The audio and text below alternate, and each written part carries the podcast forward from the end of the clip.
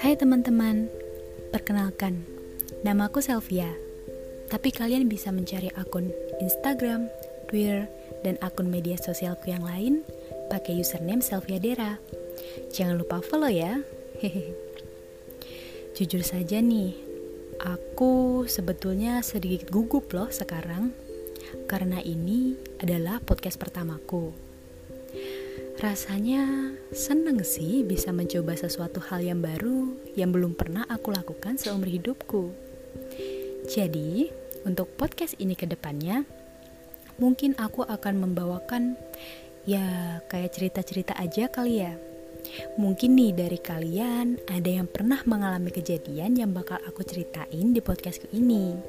Jadi tujuannya adalah aku pengennya sedikit banyak bisa mewakili perasaan teman-teman semua nih mengenai kehidupan yang ya bisa dibilang jalannya selalu bener enggak, selalu salah juga enggak, bergelombang aja gitu kayak pasang surutnya air laut. Buat podcast pertamaku kali ini, aku masih bingung sih mau kasih judul apa, tapi kayaknya aku bakal kasih judul istimewa aja ya. Langsung aja nih teman-teman. Jadi, sejak akhir Maret 2020 kemarin, aku resmi jadi tahanan. Eh, tapi bukan tahanan karena aku bertindak kriminal loh ya. Tapi karena seperti yang kalian semua alami, yaitu gara-gara pandemi COVID-19.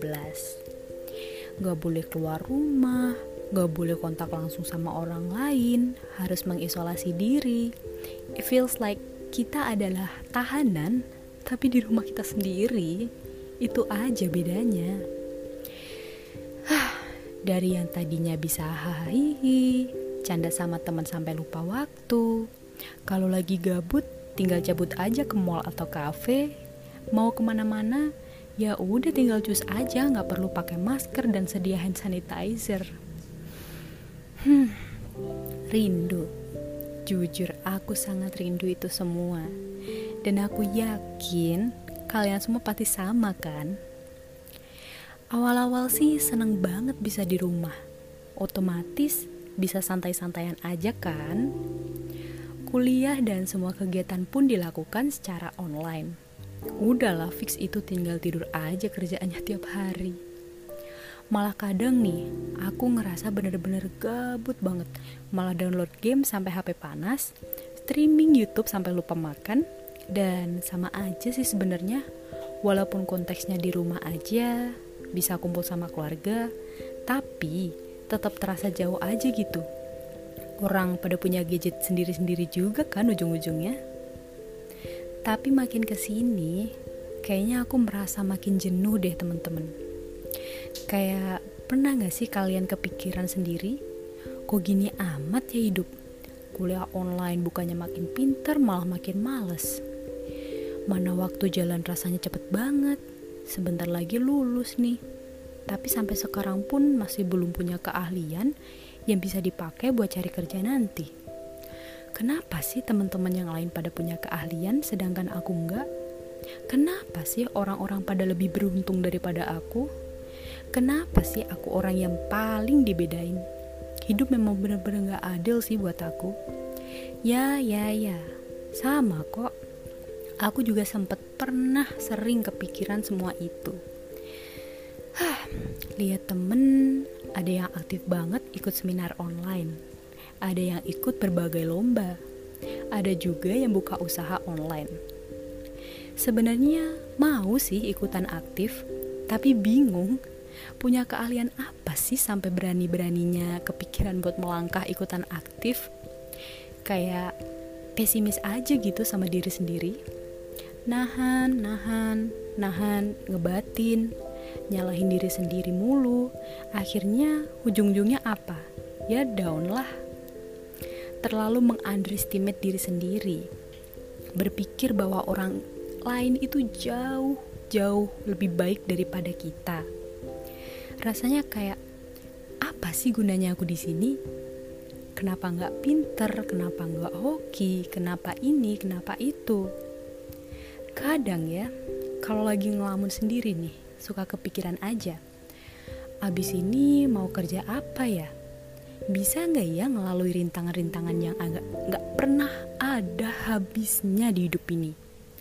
Saking overthinkingnya nih, kadang kayak kepikiran aja nggak sih buat abis lulus gitu mau nikah aja, biar nggak usah mikirin tugas, mikirin kerja, mikirin kebutuhan lain-lain. Tapi kalau dipikirin ulang, ya itu sebenarnya statement yang konyol banget sih kalau harus menyelah duluan sebelum bertarung. Aku yakin gak ada orang yang lemah, gak ada orang yang bodoh. Semua orang itu kuat, semua orang punya keahliannya masing-masing. Yang membedakan hanya niat dan usahanya aja, gitu loh. Hei teman-teman, by the way, ngomong-ngomong tentang itu, aku pernah nih punya pengalaman yang ya agak sedikit ngeselin sih sebenarnya. Jadi gini ceritanya. Aku punya kakak kandung perempuan. Namanya Fiona. Dia bisa dibilang primadona sekolah gitu loh. Ya karena dia cantik, baik, jadi model dan disukai semua orang. Jadi mulai aku TK, terus aku SD, SMP sampai SMA pun aku disekolahin di sekolah yang sama kayak kakakku itu. Dari awal menginjakan kaki di sekolah itu, aku selalu dibilang kalau aku itu adalah gebrakan dari kakakku. Apalagi banyak juga nih guru yang kenal ke aku cuman gara-gara aku adiknya kakakku ini. Apa dikit ditanyainnya, kakakmu sekarang kuliahnya di mana? Kakakmu sekarang kerjanya di mana? Bagiku itu cukup ngeselin sih saat aku dipanggil dengan sebutan adiknya Fiona. Ya, maaf-maaf nih Pak Bu, saya punya nama sendiri. Kenapa harus dipanggil itu gitu loh, dulu itu mikirnya kayak gitu.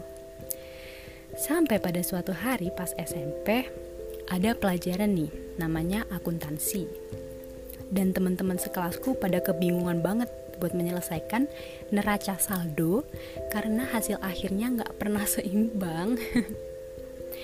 Tapi aku malah nggak merasa kebingungan sama sekali. Ya mungkin karena masalah duit-duitan aja kali ya. ya intinya saat itu aku ditunjuk nih buat ngerjain ke papan tulis sama guruku. Ya udahlah aku maju aja dengan perasaan percaya diri yang tinggi karena jadi satu-satunya murid yang bisa menyelesaikan raca saldo dengan benar. Nah, guru yang nunjuk aku itu merupakan salah satu guru yang ikutan manggil aku dengan nama adiknya Fiona itu. Dan ya udahlah aku kerjain aja di papan tulis dengan benar tanpa meleset satu angka pun. Mulai saat itu guru akuntansiku yang tadinya manggil dengan sebutan adiknya Fiona itu loh jadi mulai manggil aku dengan nama Selvia. Selain itu, aku juga ada cerita lagi loh, pas SMP juga ini. Aku kan dari kecil suka banget olahraga. Pas pelajaran olahraga itu ada nih namanya praktek senam lantai. Aku iseng-iseng ya nyobain aja pengen gaya lilin. Kalian tahu kan gaya lilin? Yang kakinya di atas, terus pinggangnya ditahan pakai tangan itu loh. Ya kan inget kan? Nah itu dia aku mempraktekannya Sama apa ya Aku juga iseng deh nyobain kayang sendiri Sendirian gak dibantu temen Guruku yang lihat itu jadi geleng-geleng kepala sama speechless Pasti dia dia pasti mikir gini Ini anak keturunan pensil inul apa gimana dah Lentur amat